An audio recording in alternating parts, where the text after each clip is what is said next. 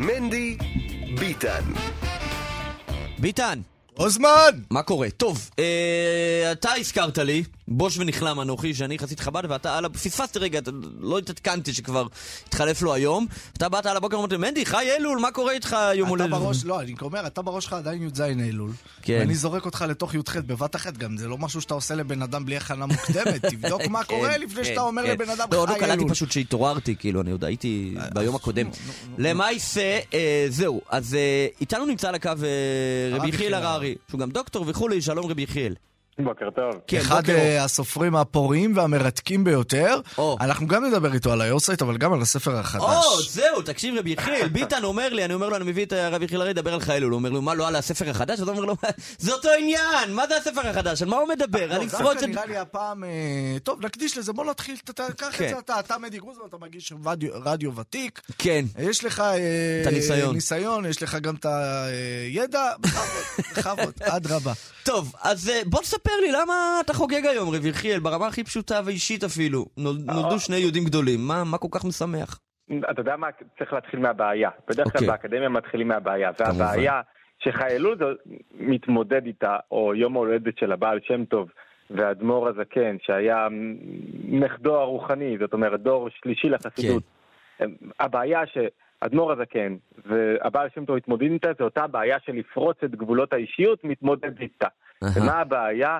תחשוב על הבעל שם טוב, הוא חי בתקופה שאנשים לא היה אז לא דתיים. כולם היו דתיים, עם זקנים, שומרי תורה ומצוות, רובם, מי שלא, עזב לגמרי את עולמה של היהדות. כן. הבעיה הגדולה היא אותה בעיה של ימינו, אנשים חסרי חיות.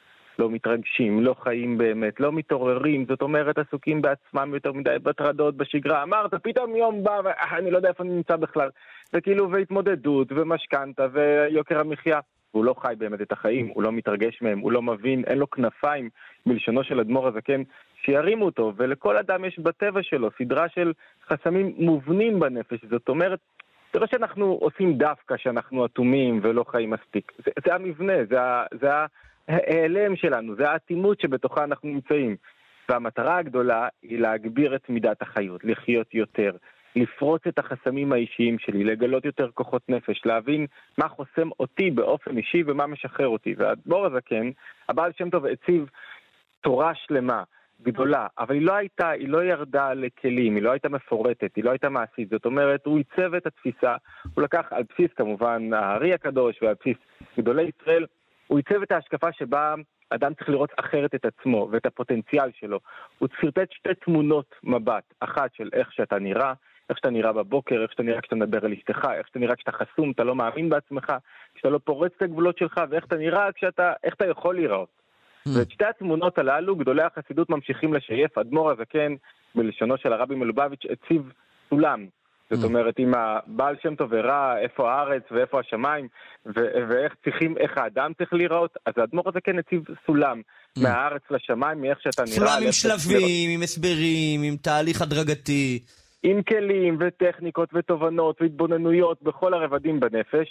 ואתה יודע, זה ש... אתה יודע, זה שאני- באיזשהו, באיזשהו מובן, כן, זה כמו ההבדל בין, אה, אה, בין, בין תורה שבכתב לבין תורה שבעל פה, בין תנ"ך לחז"ל, כן, תנ"ך כותבים אה, בפסוק אחד, וקשרתם לאות, אוקיי, צריך תפילין, זה העיקרון, מה, מי, מו, איך זה נראה, חז"ל באים עם, מורידים את זה לפרטים. זה, זה, זה, לגמרי, אדמו"ר הזקן בעצמו אומר שכל המפעל הגדול שלי, 27 ספרים, כרכים לא נגמרים, רעיונות, מי שמעמיק מבין איזה עומק, אני לא מדבר בכלל על, על ההלכה שהוא היה עסוק כן. בה ועל עוד היבטים. הוא אומר, כל מה שבאתי לעשות בעולם זה לגלות את מהות רעיון הצמצום. מה הכוונה? זאת אומרת, להבין רגע איך הבורא נמצא בכל מקום, ובו זמנית הוא מעלים את עצמו. איך יש לך כזה פוטנציאל נפשי, ובו זמנית אתה עסוק בקטנות החיים, שוכני דלי חומר, יצרים, תאוות ומלחמות קטנות על אגו ועל, ועל פרנסה. זאת אומרת, הוא ניסה להחזיק לנו את שתי הקצוות הללו.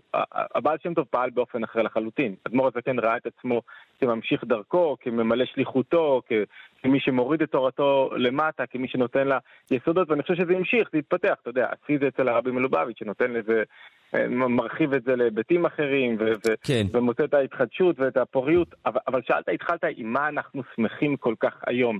אני חושב שזה גם השמחה הגדולה שיש לי בספר החדש, שלדעתי הוא אחד הוא הכי מהודק שלי, אני חושב, בכמה היבטים.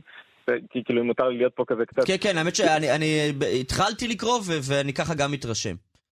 כי הוא נבנה על בסיס, הוא לא נבנה מלמעלה למטה, הוא נבנה מלמטה למעלה. זאת אומרת, אחרי עשרות ואפילו מאות מפגשי זום בתוך הקורונה עם אנשים שלמדנו ביחד מקורות שקשורים למבנה האישיות. אנשים רצו פתרונות אמיתיים, אתה יודע, אל, אל תביא לנו רק תורות מלמעלה, אלא בואו נבין את זה למטה, ו, ויצאה בסוף תורה שלמה, אבל המטרה היא, כאילו השמחה הגדולה היא, וואו, אני יכול להיות יותר ממה שאני. Mm. יואו, אני יכול לפרוץ את הגבולות שלי. זה, זה מה שהבעל שם טוב אומר לי. כשאני קם בבוקר בחי אלול, אני אומר, בואנה, נכון שאתה חתיכת טיפוס, כן. כל הדברים השליליים שאפשר להגיד על הטיפוס הזה, אבל יש משהו בתוך זה שאתה יכול להגיע ולשאוף יותר ולטפס יותר, ו- ולא לראות את עצמך, לא להזדהות עם אותו אחד עם שיש לו מאבקי נפש ובלבוקלים וחיבוטים ונופל ומחשבות לא רצויות ו- וקפדות ומה לא. אלא אתה יכול לזהות את עצמך היום עם משהו גבוה יותר, וזו ההכנה הגדולה ביותר לראש השנה. יפה. חילול זה חיות. כי אתה לא יכול לעשות תשובה אם אתה כלומניק. אם אתה כלומניק, אז מה תעשה תשובה? תשאר כן, כלומניק, מי כן. צריך אותך? כן. ביטן, תקשיב, ביטן שהוא איש ספר וחובב ספרות, הוא אומר לי, תקשיב, אה, מכל הספרים של אה, רבי יחיאל, אה, זה הספר שככה הוא... תגיד את זה, למה אני מצטט אותך? תגיד.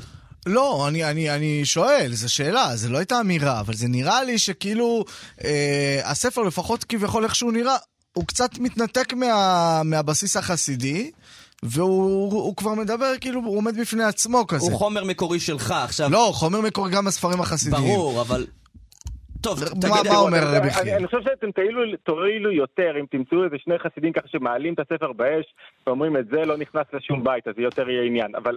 לא, לא, זה לא היה ביקורת. לא, לא, לא ביקורת, אנחנו רק אומרים, כאילו, האם, בוא נגיד ככה, בוא נשאל, האם העניין החסידי נוכח בספר כפי שהוא נוכח בספרים הקודמים? לגופו של עניין אני חושב שלא רק שהוא נוכח, אלא זה הלב הפועם של המחשבה החסידית והליטוש של התמונה הבהירה ביותר לטעמי, עוד פעם, יכול להיות שיבוא מישהו ויתקן אותי, של תורת החסידות. גם במובן של איך הנפש צריכה לראות וגם במובן של איך הבורא מחיה את העולם. זאת אומרת, תראה, יש, כשאתה עובר על מאות מאמרים, על כל המאמרים הזה, יש איזה סוד. מה, מה זה הסוד? יש שני סוגי סוד. יש סוד אחד שאתה מחביאים ממך כדי שלא תגלה. ויש סוד כן. אחר שנדרש ממך, כאילו אומרים לך בוא תתאמץ מאוד כן. כדי להרכיב תמונה שלמה. בוא תעשה איזה עבודה, תקרא עוד מאמר ועוד מאמר ועוד רעיון ועוד רעיון, ואז תתגלה לך... ותבין את, את, את, את המאפיין המשותף, את הרציונל שמניע את כל המאמרים האלה. תראה, אני אגיד לך מה אני אמרתי לביטן, אמרתי לו, תקשיב, חסידות...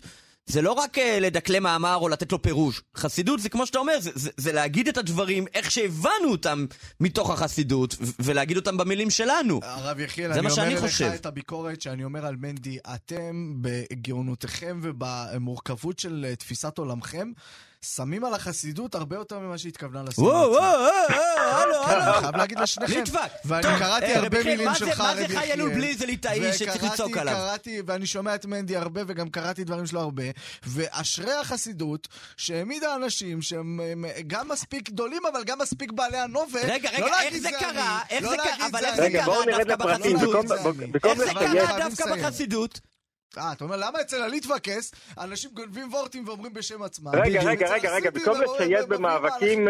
רגע, רגע, אני רוצה רגע להוריד את הדיון למטה. אני רוצה כן. לצרטט את אבל זה טיעון ליטאי מה שאמרת. אוקיי. אה, במקום לשייט רגע באיזה ככה שיח כזה מופשט, מה התרומה הגדולה ביותר של החסידות במובן הפרקטי, במובן הנפשי? כשמישהו עכשיו סובל, אתה יודע, מבלבול, מעצבות, מכעס, מחרדה, מאשתו אומרת לו, די, נמאס לי מאיך שאתה. תתחיל להשתנות ואומר מה אני אעשה ככה אני. מה, מה התרומה הגדולה ביותר של החסידות בכמה מובנים? קרטופל קיגל. אה! אחד, בלהכיר את עצמך. כן. אין מקום שהוא מציע בצורה רחבה יותר מעמיקה ביותר את הבנת כוחות הנפש, הקשרים בין הכוחות השונים, מבנה הנפש, מאשר תורת החסידות, והרבה, יש לי חברים חוקרי חסידות ואומרים, תגיד חסידות חב"ד. ואני מתכוון בעיקר גם לכתבים של הרבי הרש"ב, הרבי מלובביץ', אדמו"ר הזקן.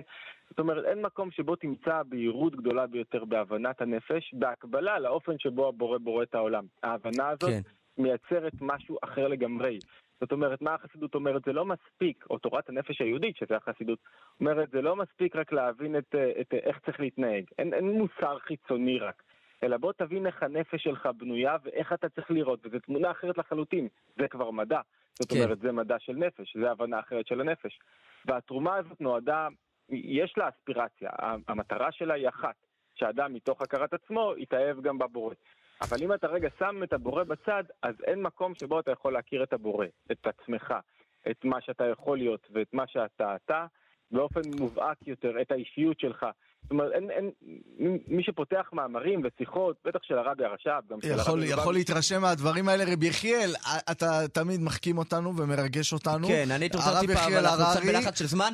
אה, רק שם לומר, גם חייל. לפרוט את גבולות האישיות. אה, שאגב, כל ספרי הניו אייג' זה להתחבר... לפרוץ את גבולות רגע! האישיות, תגיד את השם המלא של הספר. לפרוץ את גבולות האישיות. לא, יהיה, זה לא השם. תורת הנפש ביד. כן. בסדר? הרב יחיאל הררי. תודה רבה, בוקר טוב. תודה לכם, יום טוב. יופי, טוב.